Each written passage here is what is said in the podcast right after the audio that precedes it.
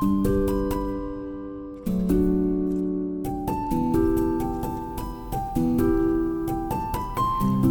merhaba. Aynadan yansıyanlara hepiniz hoş geldiniz. Ben klinik psikolog Zeynep Yetkin.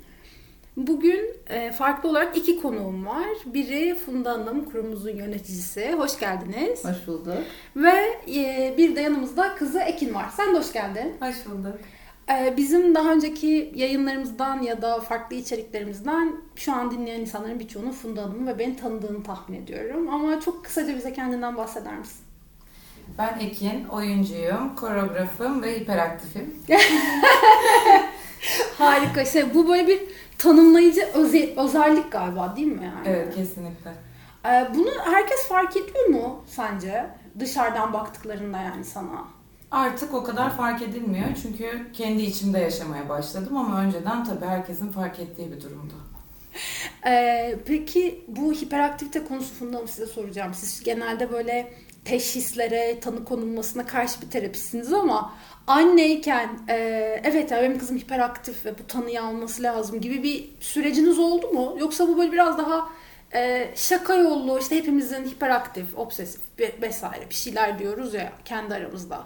Bu öyle bir tanımlama mı Ekin için gelen? Yo bayağı e, ciddi bir e, tanı diyebiliriz. Benim o taraklarda bezim yok biliyorsun. Sevmiyorum böyle e, çerçevelemeyi, etiketlemeyi. E, o yüzden de başlangıçta zaten hiç e, oralarda dolanmadım.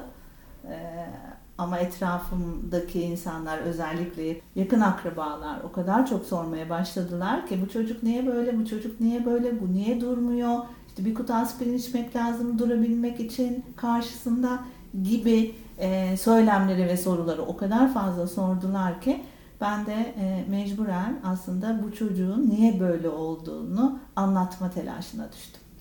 Ee, sizin böyle bir hafta kadar önce yani bu yayına ne zaman çıkacağız ve aslında söylediğim gibi bir hafta önce mi olacak o yazı bilmiyorum ama e, geçenlerde bir yazı yazdınız ve orada şey vardı yani aslında çocukların o hiperaktif olmasını bir, bir rahat bırakın yani o çocukta başka bir mesaj var ve bunu anlamaya çalışın gibi. Şimdi sanki Ekin için de benzer bir şey söylüyorsunuz. Yani belki insanlar bu kadar şikayet etmeseydi siz de evet benim kızım hiperaktif ve hani Orada neredeyse şey duyuyorum yani bir düşün yakasından bu çocuğun tamam hiperaktif hani onu bir bırakın gibi bir kabullendirme çabası mı bu acaba? Kesinlikle yani niye niye böyle? Bu çocuk niye böyle sorusuyla o kadar çok yıllarca e, karşılaştım ki her seferinde bu çocuğun böyle olmasının nedeni bunlar, bu çocuğun ihtiyacı bunları anlatmak için epey debelendim ben. Anlatabildim mi? Hayır. Hayır. Anlamadılar. Belki siz anlatmak için elinizden geleni yapmışsınız. Demek ki iyi anlatamamışım diye düşünüyorum. Peki sizin böyle özellikle Ekin küçükken yani işte hiperaktivitenin belli semptomlarını bekliyoruz ya biz işte. Belki uyumamak, hiçbir yerde duramamak, e, sürekli söze atlamak ya da hani sürekli konudan konuya da atlamak gibi gibi. Sizin de böyle hani Ekin büyütürken ya da doğduktan sonra ya bu kız biraz fazla mı hareketli? Hani bu kadarı da yaşından beklediğimizin üstünde mi? Hiperaktif olabilir mi? Bir şeyler hiç düşündünüz mü? Aslında düşünmedim. Ee, Çünkü Ekin doğduğu günden itibaren uyumayan bir e, bebekti. Yaklaşık 7 senede uyumadı. Ee, Çok az uyuyarak yaşadık biz 7 sene boyunca. Yani bir günde 24 saatte herhalde toplasak 2 saat en fazla 3 saat uyuyordu. O da bölük pörçü. Hmm, Bu çocukta bir şey mi var demedim. Uykusuz bir çocuk, uyu- uyumayı sevmeyen bir çocuk ya da 2-3 saatlik uykunun yettiği bir çocuk olarak filan tanımlıyordum ben. E, çok hareketli, çok macera dolu yıllarımız oldu. E, tanımlamaya başlamak, daha doğrusu Ekin böyle, bu yüzden bunları yapıyor, bu yüzden e, şu şekilde e, hareket ediyor.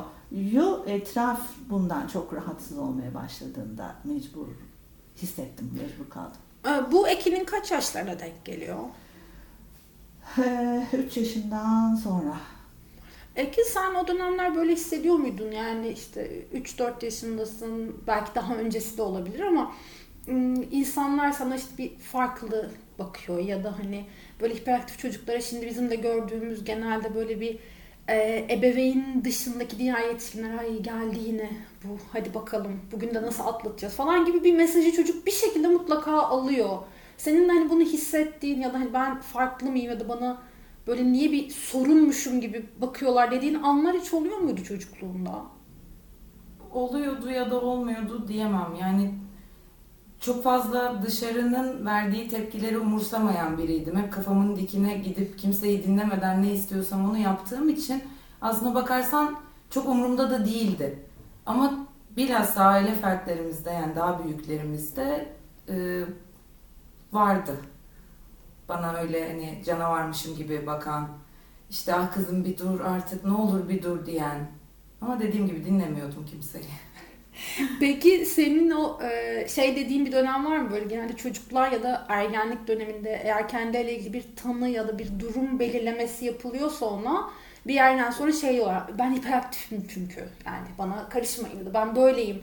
Senin de bunu böyle ne bileyim bazen kalkan bazen savunma bazen insanları savuşturmak için bir yöntem olarak kullandığın oluyor muydu? Hatırlıyor musun? Hiperaktifim diye değil de anneme de öyle tanımlıyordum. Popomun e, altında bir iğne var ve oturamıyorum ya. O iğne devamlı batıyor ve benim hep bir şey yapma, hep bir hareket halinde olmam lazımdı. Şu anda da çok farklı değilim bu durumda. Sadece çevremi rahatsız etmediğimi düşünüyorum. bir yandan da aslında e, Funda Hanım siz de çok iyi bilirsiniz ki işte her durumun bir genetik faktörü de var. E, Ekin'in de böyle olmasının muhakkak ki bir genetik tarafı olacak yani Evet. sizden ya da babadan gelen. evet, evet. Ee, ikimizde de var, annede de var, babada da var aslında. Ee, özellikle eşimin e, yakınlarının e, bu çocuk niye böyle söylemleri üzerine bir gün şunu sordum. Peki nasıldı, baba nasıldı diye. Ee, şöyle dediler, zıp zıp derdik ona. Hiç durmazdı. Ha tamam işte yani sonuçta ortaya çıkan da kızımız böyle. Ee, bizim bu birazcık işte hem podcast'i çekmeye karar vermemiz hem e, hiperaktiviteyi konuşalım, ergenliği konuşalım, ergenliği zor geçiren e, aileleri ve o evleri konuşalım gibi bir isteğimiz sizinle hep vardı zaten. E, siz çok çok uzun bir dönem ergenlerle çalıştınız. Üstelik Evet. e, marjinal olarak tanımladığınız Evet. ergenlerle.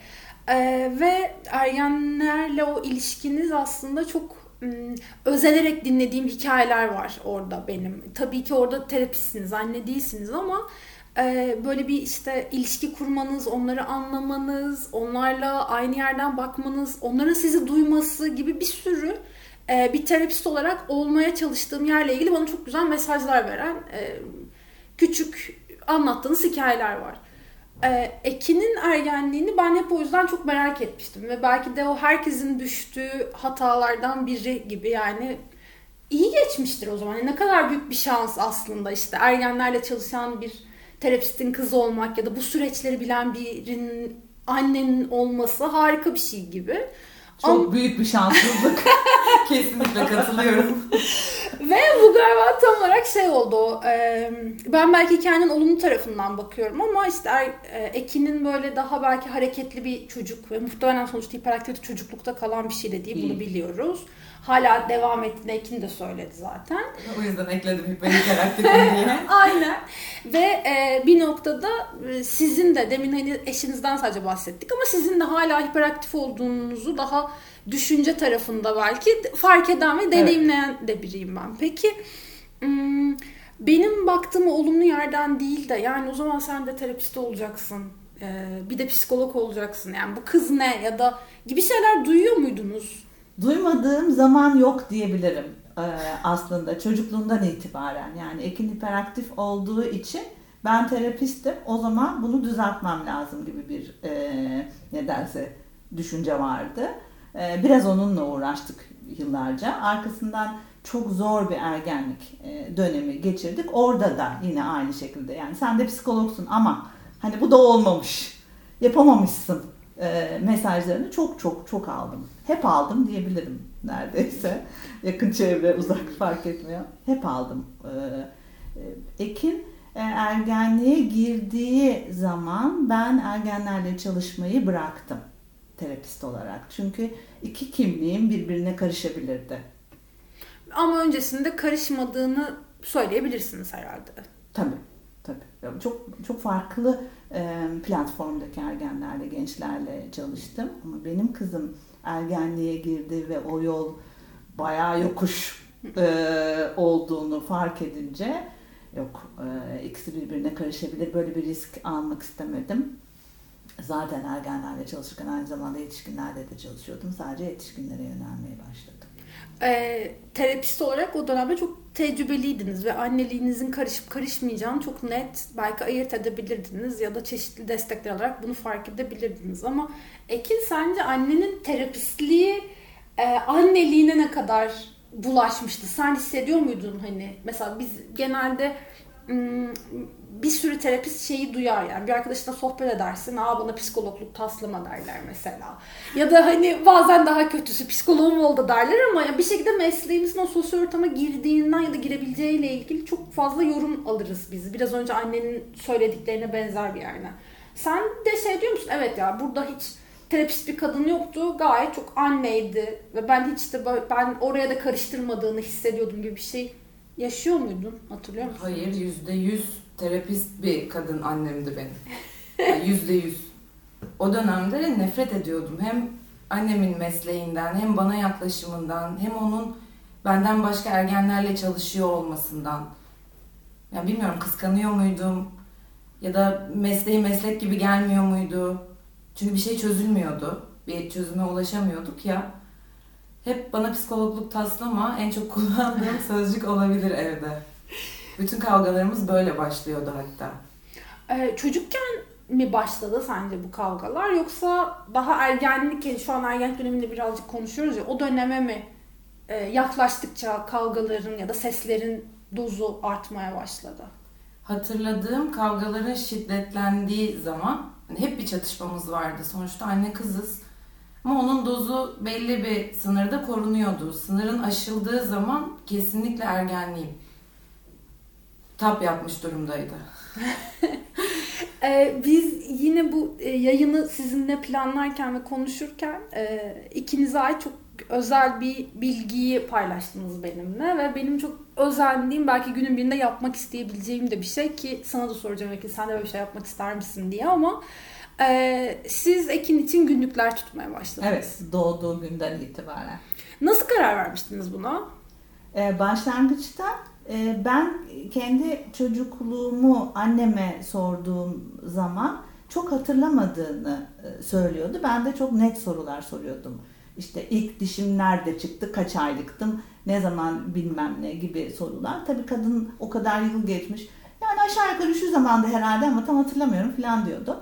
Bunun üzerine ben de e, yazılı bir şeyler kalsın. E, Ekin ileride büyüdüğünde bana sorduğunda e, ben net cevap verebileyim ya da o okusun ve e, bunun cevabını zaten kendisi alsın diye başladım. Fakat yazarken beraberinde duygularımı da yazmaya başladım. E, baba da yazıyordu aynı zamanda aynı deftere. O daha az yazdı ama yazdı. Duygularımı da yazmaya başladım. Önce Ekin e, işte her şeyi hatırlayabileceği anılarının kendi cebinde dolu dolu olmaya başlayacağı yaşa kadar yazayım dedim. Sonra devam etti o. E, ergenlik çok zor olunca bu sefer bir şekilde kendime anlatma derdim var ama Ekin'i anlatmak istiyorum. Fakat kendimi dinletme ihtimalim yok. Çünkü onu dinlemem gereken ya da onu anlamam gereken bir zaman dilimi. O zaman ben de deftere yazmaya başladım. Bunların hiçbirinden Ekin'in haberi olmadı. Ne zamana kadar? Ee, 25. doğum gününde hediye edene kadar. Ee, sen annenden bekler miydin ve babandan da aslında yani böyle bir jest yapmalarını, böyle bir hediye vermelerini sana. Bazı insanların hani biliriz bir şeyleri saklarlar, işte eskiye dönük bir anda ceplerinden bir şey çıkartırlar. Annenle baban sence öyle insanlar mı? Yani muhakkak şaşırmışsındır ama hiç şüphelendin mi ya da böyle bir şey yapabilecekleri hiç aklına gelir miydi onu merak ediyorum. Aslında bana çocukluğumdan beri hep kendimi özel hissedeceğim hediyeler aldılar. Ee, şu anda yanımızda olmayan akrabalarımızın yerlerine bile hediyeler aldılar ve işte bunu anneannen yolladı sana cennetten, bunu deden yolladı diye hiç haberi olmayan kişilerin hani ölü ya da yaşayan kişilerin de bana hediyelerini verdikleri için Aslında böyle tatlı bir romantiklikleri var ama benimle ilgili böyle bir defter tutabilmiş olacaklarını hiçbir zaman düşünmedim. Ee, annen o kadar duygularını ifade eden biri olmadığı için mi yoksa yazıp saklayacağını düşünmediğin için mi? Bilmem. Belki de benim gibi bir çocukla ilgili bilhassa ergenle ilgili ne yazılabilir ki diye de olabilir. Çünkü ben üç tane defter var. O defterlerden ikisine gözlerim dolu dolu. Hatta bazı sayfalarında gözyaşı izlerim var. Ama ergenliği bu podcast'i yapmaya karar verdiğimiz zaman açıp okudum. Yani ergenlik hep elimin gittiği bir sayfa okunup yok ya deyip kapattığım bir defter benim. Ee, senin için de o dönemlere gitmek zordu. Evet, yani çok. aslında. Ee, Funda Hanım siz vermeden önce e, ya biz neler yaşadık acaba diye hiç böyle dönüp okudunuz mu? Hani bir daha bakamayacağız ya bu defterleri veriyoruz artık. Ben de böyle bir hatırlayayım. Çünkü bir yandan mesela veriyorsunuz. Yani bunu şu yüzden soruyorum. Ekin'e veriyorsunuz ve işte Ekin okuyacak e, ve 3 gün sonra, bir ay sonra neyse belki orada yazılanlarla ilgili size bir şeyler söyleyecek, bir şeyler soracak. E, o eski defterler açılacak yani tam anlamıyla. Hiç öyle bir şey düşündünüz mü? Yani bir şey söylerse hatırlamıyorum şöyle bir bakayım mı? Hakikaten neler yaşamışız? Belki böyle bir veda gibi. Yok, e, okumadım. E, sadece e, doğum gününde vereceğimize karar verdiğimizde babası ve ben oturup e, birer sayfa bir şeye yazdık. E, bu hem defterlere veda e, hem de Ekin'e hediye e, niteliği taşıyordu o yazdıklarımız. E, okumadım. Peki e, sen okuduğun zaman e, demin dedin ya bana psikologluk taslıyordu annem. Yani o dönemdeki, o yaştaki Ekin tam olarak böyle yaşıyordu, böyle hissediyordu. Evet. Ee, ve bilmiyoruz aslında zor da bir şey. Yani sonuçta annen demin söylediğim gibi terapistliğini, anneliğini karıştırmayacak kadar profesyonel biri ama diğer yer çok duygusal. Gerçekten de zor aslında hani terapistliği karıştırmak gibi değil ama insanın duygularını karıştırmaması mümkün değil ya da bilgisini oraya taşıması o kadar kolay değildir diye düşünüyorum. Bir keresinde bir bir şey var. Ee, Ben ergenlerle çalışmayı bırakmıştım aslında ama Ekin tabii hep ergenlerle çalıştığımı varsayıyordu e, kafasında. Bir gün bana dedi ki böyle tartışmalarımızın en alevli olduğu zamanlardan birinde dedi ki ne anlarsın sen ergenden dedi. Ondan sonra hiçbir şey anlamazsın sen. Benim şu andaki duygularımdan hiçbir şey anlamazsın dedi. Durdum o kadar öfkelendim ki o anda. Dedim ki ya ben onlarla para kazanıyorum. Döndü dedi ki yazık olmuş onlara.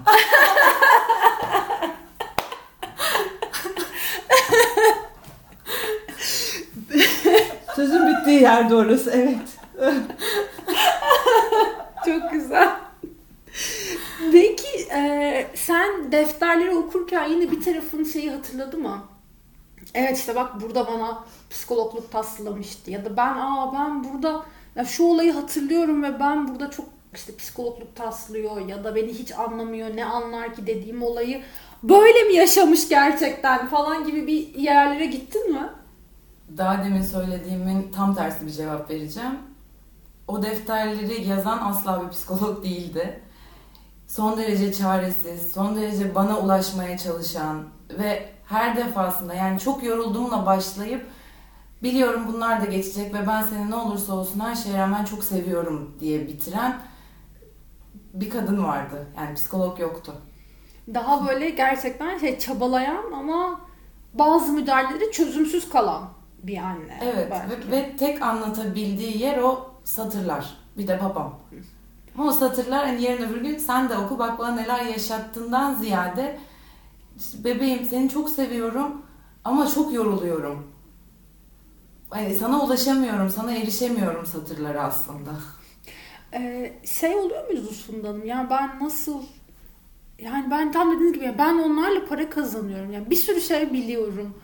Ee, hani hepimiz biliyoruz yani meslekten olmak başka bir şey. O mesleği yapıyor olmak başka bir şey. O durumun içinde olmak bambaşka bir şey. Ama özellikle yaşarken bazen bunu hani unuttuğunuz ve böyle ne bileyim belki daha yetersiz hissettiğiniz hani bir bankacı olsaydım belki bu kadar olmazdı ama terapist olmak aslında burada benim de hakikaten e, daha bir ayağıma takıldı. Keşke öyle olmasaydım, bu kadar bilmeseydim. Ona daha rahat kıssaydım. Çünkü bunu şu yüzden söylüyorum. Demin dediniz ki hani onun beni dinleyeceği bir yaş döneminde değildik. O Ben onu dinlemeliydim, ben onu anlamalıydım. Bu e, çok sezgisel bir yerden de bunu söylüyor olabilirsiniz ama bir yandan da bu çok mesleki olarak da bizim diğer ebeveynlere öğrettiğimiz de bir şey. O yüzden böyle bir yetersizlik ya da belki daha Ekin'in tam söylediği gibi o çaresizliğin yükselmesi gibi bir şeyler oluyor muydu? Kendimi çok çaresiz hissediyordum, çok yetersiz hissediyordum. E, çünkü duygularımla e, bilgilerim birbirine karışmış durumdaydı. Bir de sırf psikolog olduğum için bana gıcık gıcık bakan bir çocuğum vardı. Bir de etraftan e sen de psikologsun ama sözleri vardı. Ben aslında bu üçünün arasında çok debelendim diyorum. Ee, çok çaresiz hissettiğinizi, işte yetersiz hissettiğinizi söylediniz. Yani sizin için zor geçen bir dönem, Ekin için zor geçiyor. O da kendi tecrübelerinden bahsetti. O dönemde anne baba olarak ya da bireysel ve bunlara ek olarak Ekin için e, destek aldınız mı? Tabii. Çocukluğundan itibaren e, belli aralıklarla, o aralıklarda da düzenli olarak destek aldık. Öncelikle hiperaktivitesinin anlaşılması için zaten bir uzman yardımı aldık. Arkasından belli dönemlerde bu enerjiyi nasıl doğru yönetebiliriz, daha doğrusu onun hayrına yönetebiliriz, ikinin hayrına yönetebiliriz e, konusunda destekler aldık. Arkasından e, ergenliğe e, girdikten sonra e, ben destek aldım, eşimle beraber destek aldık. Ekin o dönemde sadece grup çalışmalarına katılıyordu, bireysel desteği reddediyordu, e, üniversiteye kadar neredeyse. Ondan sonra e, ihtiyaç hissettiğini kendisi söyledi, o da bir süre destek aldı. Bayağı uzman desteği alarak sürdürdük. ee, sen mesela iki şeyden korkuyor muydun? Bize hani insanlar geldikleri zaman işte e, gizlilikle ilgili çok endişe duyarlar yani. İşte kimseye söylemeyeceksiniz değil mi? Bunu yazmayın. Ya da hani bunları da geçtim hani ergenler bunu anneme söylemeyeceksin değil mi falan diyorlar. Ve bir şekilde annenin bilmiyorum hani onu da sorayım ama tanıdığı belki birine gidiyorsun. Az ya da çok. Nasıldı bir terapiste güvenmek? Güvenemedim. Çok uzun süre ilk gittiğim terapistime. Hatta onu zarfladım. E, çünkü annem bilinen bir psikolog ve psikologlar bir şekilde birbirlerini tanıyorlar. Yani ne bileceğim bu iyi bu, bu kadın iyi psikolog buna gitsin.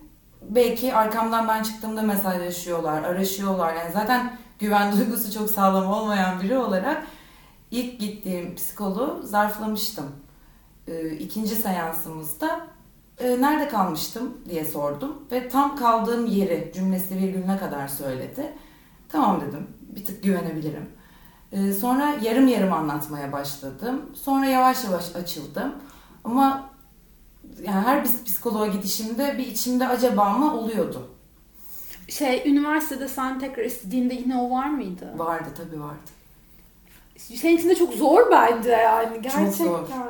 Yani her şeyi filtreleyerek anlatmaya çalışıyorum ama ihtiyacım olan o değil. Yani belki Aynen. küfür de etmem gerekiyor ki o başka bir çıkarımda bulunsun. Ama aman ya belki konuşabilirler diye öyle ufak ufak filtrelerden geçire geçire aslında çoğu anlatmam gerekeni kendime sakladığımı fark ettim. İnşallah bir gün yenerim bunu. Peki e, bu ergenlik çatışmalarından işte e, zorlandığınız zamanlardan bahsediyoruz ikinizin de. Hmm, burada asıl zorlayıcı şey yani ergenlik zaten zor bir dönem. Siz bunu bir sürü ergenlik sunumunda söylüyorsunuz. Neden zor olduğunu da konuşuyoruz bir sürü sebeple.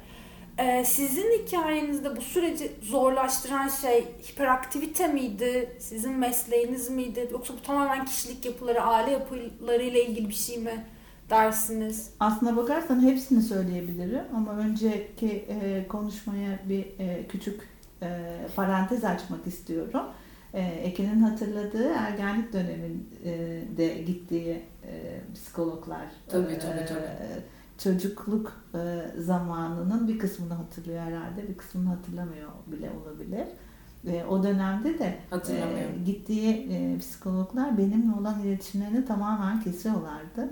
Sadece Ekin'e ulaşabilmek için hiçbir şekilde de bilgi almıyordu profesyonel e, anlamda e, diyeyim. Oraya öyle bir parantez kapatayım.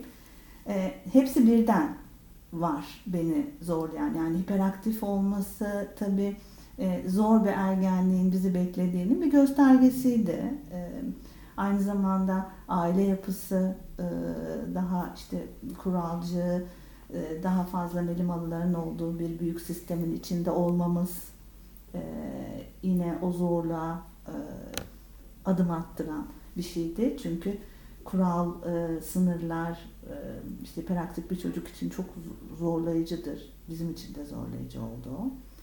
E, tabii ki psikolog olmam e, en büyük engellerden bir tanesi, en büyük zorlamalardan bir tanesiydi. Çünkü psikolog olunca sanki e, çocuğunun da muhteşem bir şey olması gerekiyormuş. Benim çocuğum muhteşemdi bana göre zaten. Yani orada bir problem yaşamıyordum ben. Sadece insanlara göre yani diğerlerine göre muhteşem değildi. Çünkü standartların çok dışında bir çocuktu. E, dolayısıyla ben onlara aslında bunun da normal olduğunu anlatmanın e, sıkışıklığını çok çok çok yoğun yaşadım. Yani kızımdan ziyade aslında ben diğerleriyle uğraşmakta çok daha fazla yoruldum.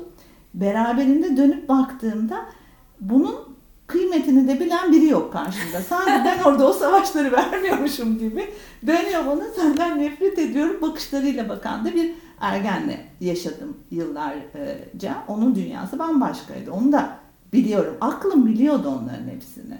Yani deneyimim, aklım biliyordu ama duygulara laf anlatmak imkansız.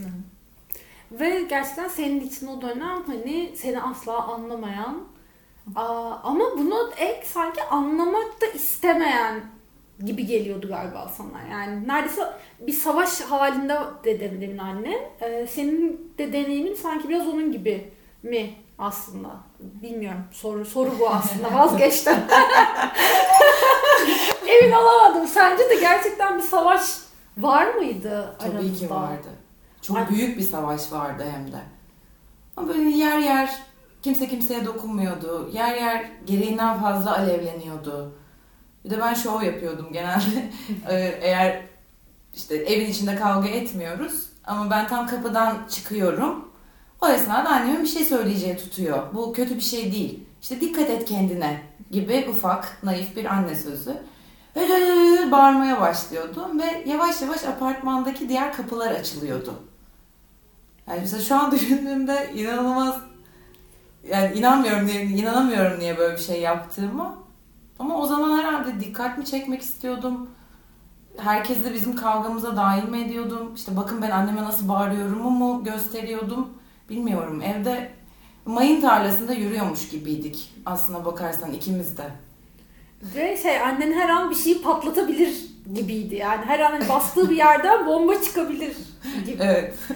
Peki sen o kavgalarınızı hatırlıyor musun? Yani hani annen de biraz önce dedi ya yani duygularımı kontrol etmek tabii ki zor ve ya da e, söz geçirmek de zor. E, o kavgalar sırasında duyguları mı daha ön plandaydı yoksa işte aklım ve düşüncelerim biliyor diyen tarafını da görüyor muydun sahnede? Gördüğüm oluyordu ama onlar büyük bir kavgaya dönmüyordu. Ee, derdimiz o kavgayı çok büyüten şey duygularıydı. Keza benim de duygularımdı. Hani ben de anlaşılmak, işte lafım dinlensin, kimse bana karışmasın, en değerli benim. Ben üzgünüm şu anda, farkında mısınız? Ama onun da bir kadın olduğunu, onun da bir anneden önce bir birey olduğunu çok ihmal ederek yapılmış kavgalar diyebilir bu yaştaki Ekin.